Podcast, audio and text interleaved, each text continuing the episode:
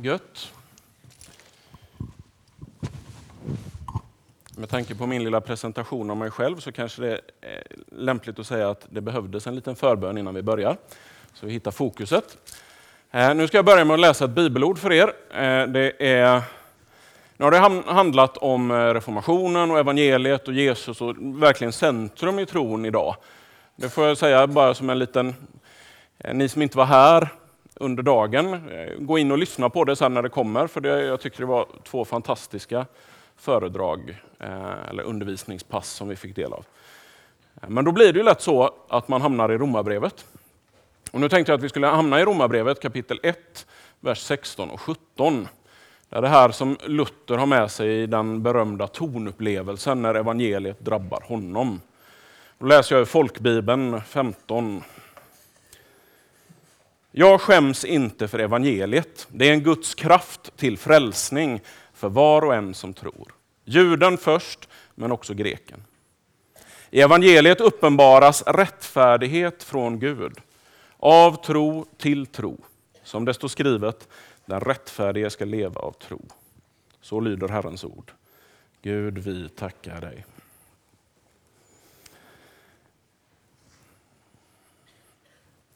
Jag tycker att det har kommit fram ganska tydligt under de här två första passen att det finns lite obehagliga sidor av tron som ibland måste få tillåtelse att slå ner både i hjärnan och i hjärtat.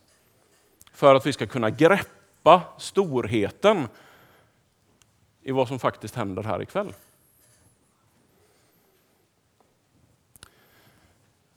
Om vi hoppar tillbaka några år till år 2008. Nu delar jag med mig av en personlig upplevelse. Och Tanken med det är inte att oj, nu ska vi prata andliga upplevelser och jag har inte haft någon upplevelse eller jag har haft massor med upplevelser. Skit i det. Det är inte det det handlar om. Utan Upplevelser kan ibland funka som exempel.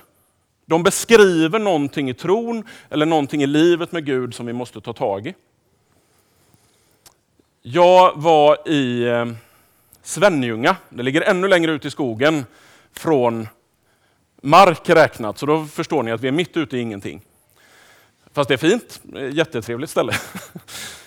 Ehm, jag hade jobbat där, hade vi varit en frikyrka som, ehm, som jag var med i så hade det hetat att jag var ungdomspastor.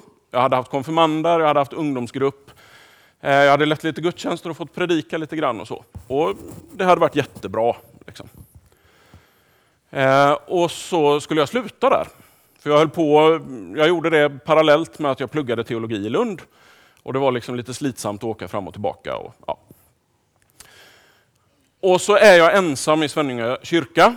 Det är sista gången medan jag är i tjänst där som jag, eh, ja, jag är där och säger hej då liksom, till församlingen. Fast församlingen var inte där, men jag, jag säger hej då till dem. Och så gjorde jag så här nu ser det här lite löjligt ut, men jag hade sett att, eh, och fått en förklaring att så här ska riktiga präster göra. Eh, så då tänkte jag att jag ska ändå bli präst, så då får jag också göra det. Eh, så jag hade liksom gått fram till altaret, pussat och böjt knä.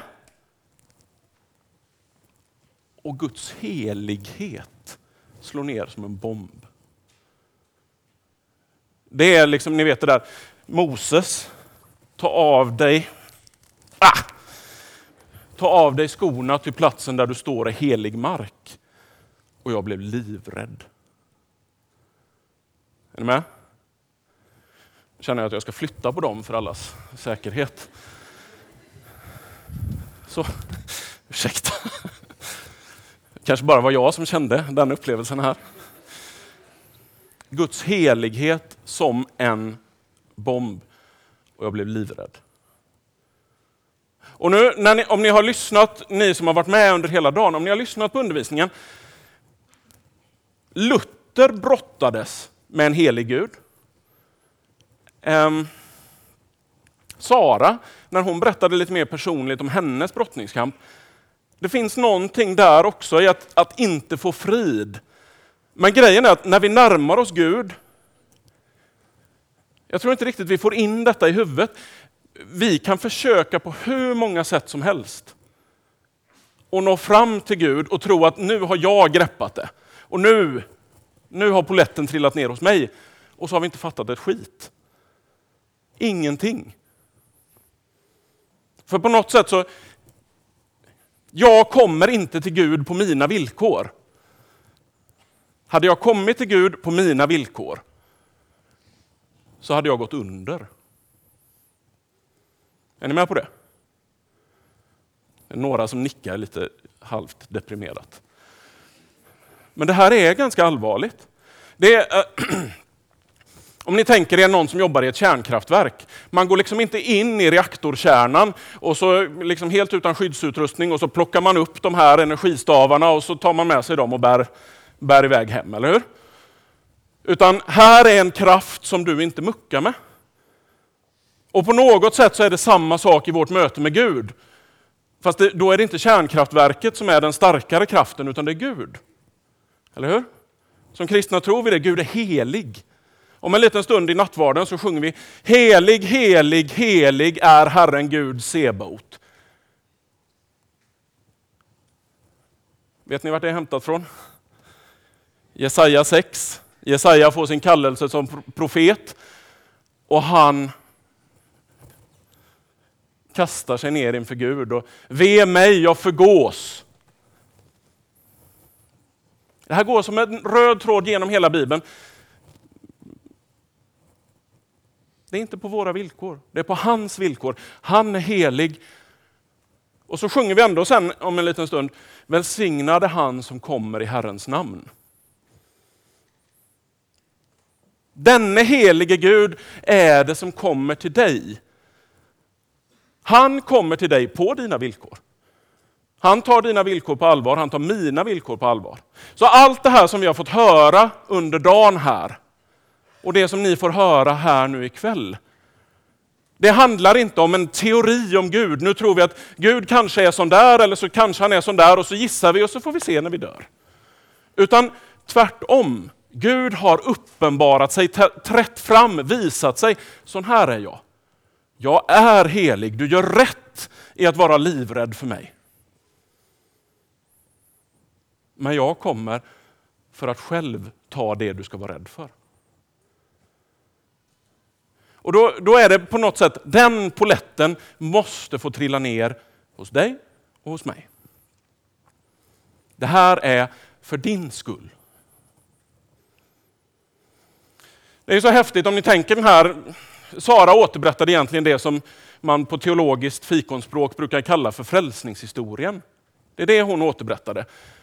Gud skapar världen, världen faller.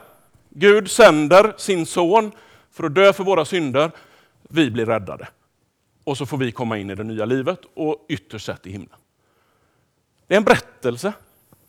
Den här stora berättelsen om den helige guden, där dras du och jag in. Och det är där vi kan få all frimodighet i tron. All glädje i tron. Alltså, kan vi greppa någonting av det här stora då? Att en lite fjunig teologstudent som blir livrädd för Gud. Men det där är ganska viktigt. När vi firar gudstjänst, när vi möter Gud, då är det inte liksom, nu ska vi försöka frammana någon lite mysig, gullig känsla. Vad var det du sa innan Martin? Vi tänder värmeljus för att skapa en lite mysig atmosfär. Halleluja. Ja, halleluja la jag till. Resten var ditt. Uh, ursäkta. Det. ja. det är lika bra att inte ens ta upp det, för då, ja, det handlar inte om att vi försöker skapa en känsla eller nu ska vi frammana någonting. Titta här, jag kan kontrollera Gud, han är sån här. Och så sätter vi Gud i en liten ask. Om ni kan C.S. Lewis böcker så har C.S. Lewis där Aslan som den stora Kristusgestalten. Han dör på stenbordet. Eh, och han dör för att rädda ett av de här barnen som har gjort bort sig. Men det finns en annan beskrivning av honom. Är han säker? Är det någon som frågar. Nej, han är livsfarlig. Han uppslukar kungariken. Berättar de om det här lejonet. Nu vet jag inte om ni kan Narnias värld, men tanken är så här. Det är en enorm kraft att möta Gud. Det är livsförvandlande, det ska vara livsförvandlande. Jag kommer aldrig att bli densamme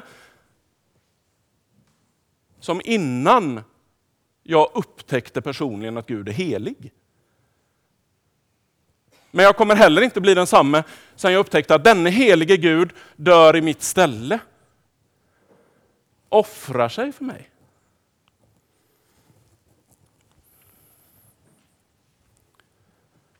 Jag hoppas ni förstår vad jag är ute efter. Alltså, om det här skaver, om det känns obehagligt, ja, men det är väl mycket trevligare om Gud är liksom en liten himmelsk snuttefilt eller teddybjörn.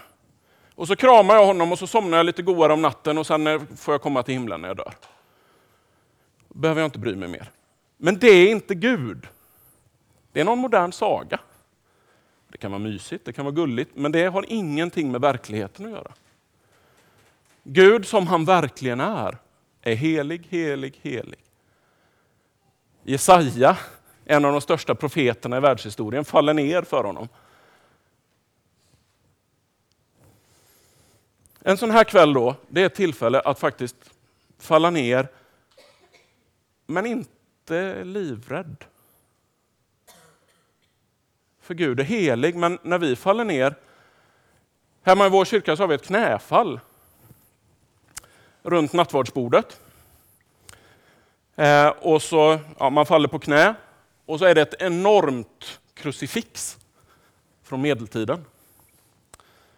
Kom på nu när jag sa det att jag borde tagit en bild på det, för det hade bättre förklarat det, men får vi ta en annan gång.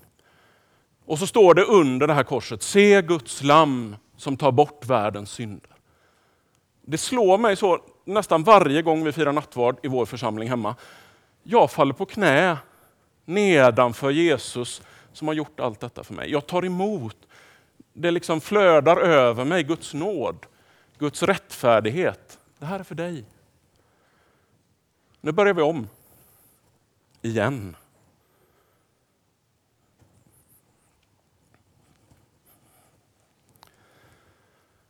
Det är utifrån detta som du och jag kan få en frimodig väl grundad, stabil kristen tro.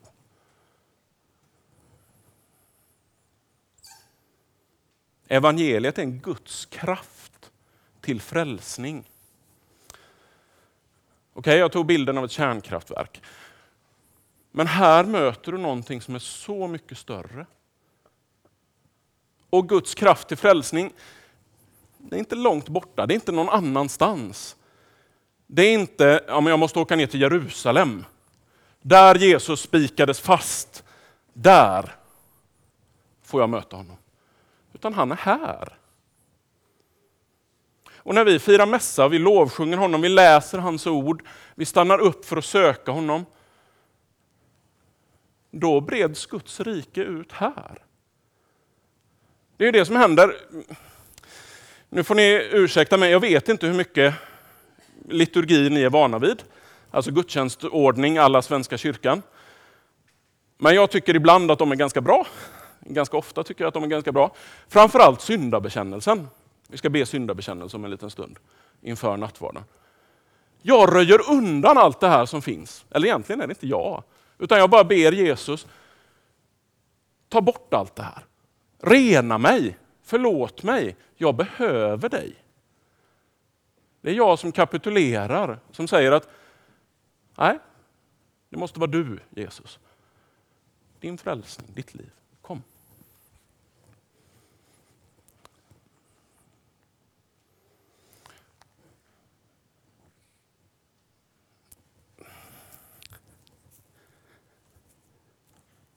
Vi vill så gärna tro, och jag tyckte Sara beskrev det jättebra. Vi vill så gärna tro att det hänger på oss. Och att det är vi som kan ändra den här situationen. Men nu läste jag precis här, det är Guds kraft till frälsning. Guds kraft som frälser, inte jag. Eller, det är Guds rättfärdighet som jag tror, som, som jag får. Det är liksom inte någonting som jag frammanar hos mig själv. Det är Gud som gör det. I höstas så var jag på Kreta.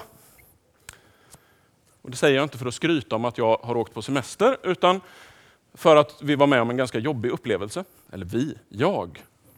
Jag fick på Kreta akut tandvärk. Första kvällen vi kom dit, allt var jättetrevligt. Lördag morgon sen, när jag vaknade upp, så började det mola lite grann. Lördag lunch så var det outhärdligt. Lördag eftermiddag gick jag och la mig och hoppades att det skulle gå över av sig självt. Ni som har haft tandvärk vet att det inte funkar så. Lite senare på lördag eftermiddag så fick vi akut åka till en tandläkare som hade specialiserat sig på att ta hand om stackars turister som hade fått akut tandvärk. Han, hade, ja, han var duktig, ska vi säga. Det var inte trevligt att gå till tandläkaren, men vilken enorm befrielse. Han tog bort det där som jag inte kunde lösa. Hade jag kunnat riva ut handen hade jag gjort det, men jag kunde inte. Eller ja, jag vågade inte försöka för det gjorde så ont att röra. Bara med tungspetsen vet ni, och så exploderade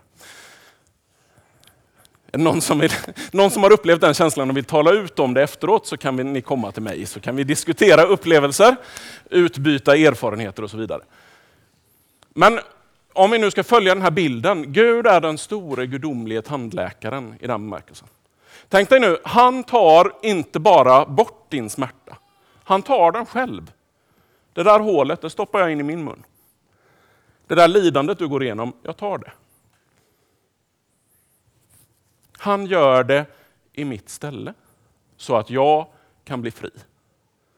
Alltså jag kunde ju svävat på mål när jag kom ut därifrån. Hade jag kunnat flyga så hade jag flugit iväg liksom, efter tandläkarbesöket. Det var så ljuvligt att vara av med den här smärtan. Då tänker vi så här som kristna att jag får komma till Jesus. Och han lyfter av, han tar bort, han bär. Det här har två dimensioner.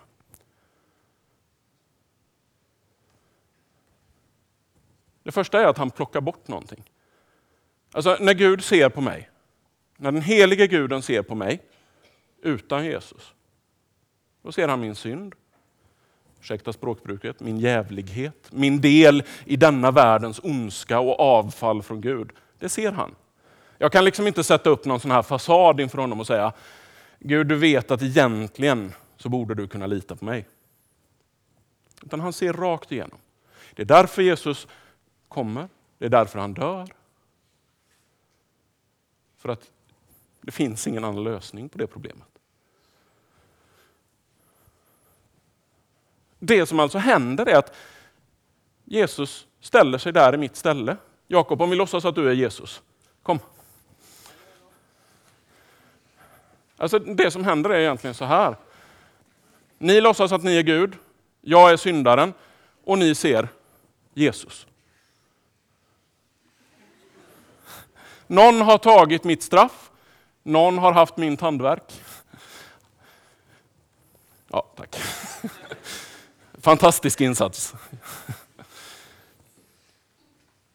Rent konkret, vi ser något annat. Gud ser något annat i mitt ställe. Här är han som gjorde det Johan borde ha gjort. Han borde få dö. Han förtjänar det. Men jag dör i hans ställe. Men sen, kom igen Jakob.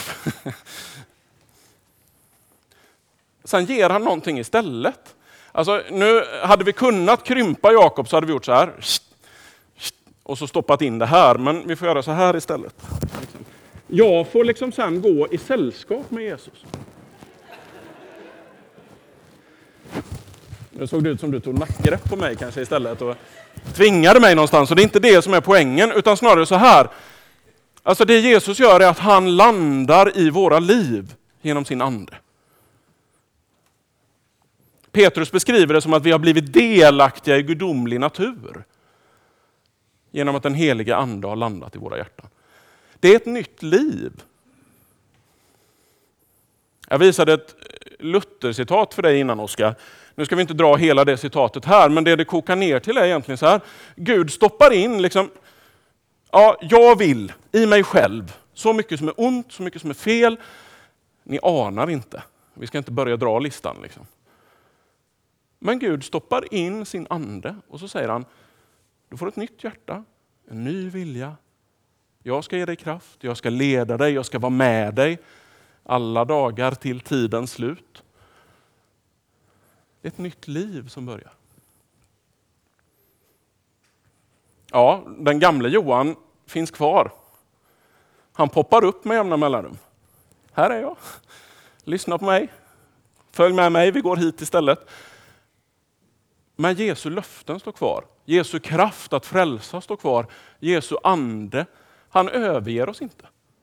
Och när vi då är samlade så här till gudstjänst, det här som vi gör ikväll, det är en handling i tro. När vi tar emot nattvarden så är det en handling i tro. Jesus håller vad han lovar. När vi ber Jesus ta våra synder och rena oss från dem, så är det en tro på att det han gjorde på korset renar från all synd. När jag sänder upp en bön, Jesus hör mig, Jesus hjälp mig. Jesus ger kraft.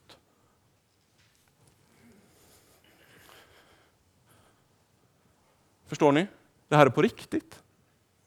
Och Guds rike breds ut när vi tar del av det, när vi praktiserar det, när vi tar emot det. Därför är alltså, det här med rättfärdiggörelsen genom tron eller reformationen, eller, det är inte bara någon sån här fin och from teori eller teologisk spetsfundighet om hur vi ska formulera oss kring Gud. Det är Guds liv som han vill ge till dig. Han vill att det ska få landa. Och det är ju det vi ska bära vidare till andra. Det är ju det, alltså ni som åker med till Peru, gör det. Och gör det med all frimodighet. Gå med Gud och ge Jesus vidare. Det är inte jag själv som kan göra någonting. Det är samma sak när ni kommer till skolan på måndag. Nej, har ni sportlov? Det har vi. Vi har det. Vi är först. Ja, förlåt. Väldigt barnsligt. Livet är en tävling och jag tänker vinna. Det är väl ett fint citat? Nej.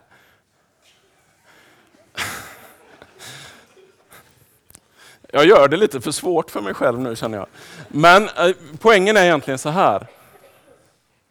Vi har fått en så enorm gåva. Du får ta emot den här enorma gåvan på nytt ikväll när du söker Jesus när du söker honom i nattvarden, när du ber till honom, när du kommer med din nöd till honom, när du kommer med dina vänner och ber för dem, när du kommer med din familj. Och det är på riktigt. Och sen får du bära med dig bönesvaret ut. Du får bära med dig Jesus. Du får lita på att han ger det han säger. Vi säger ju inte Kristi kropp för dig utgiven för skojs skull när vi tar emot nattvarden. Utan vi säger det för att det är faktiskt Jesus du får ta emot. Du får faktiskt vara bärare av honom själv ut i denna världen.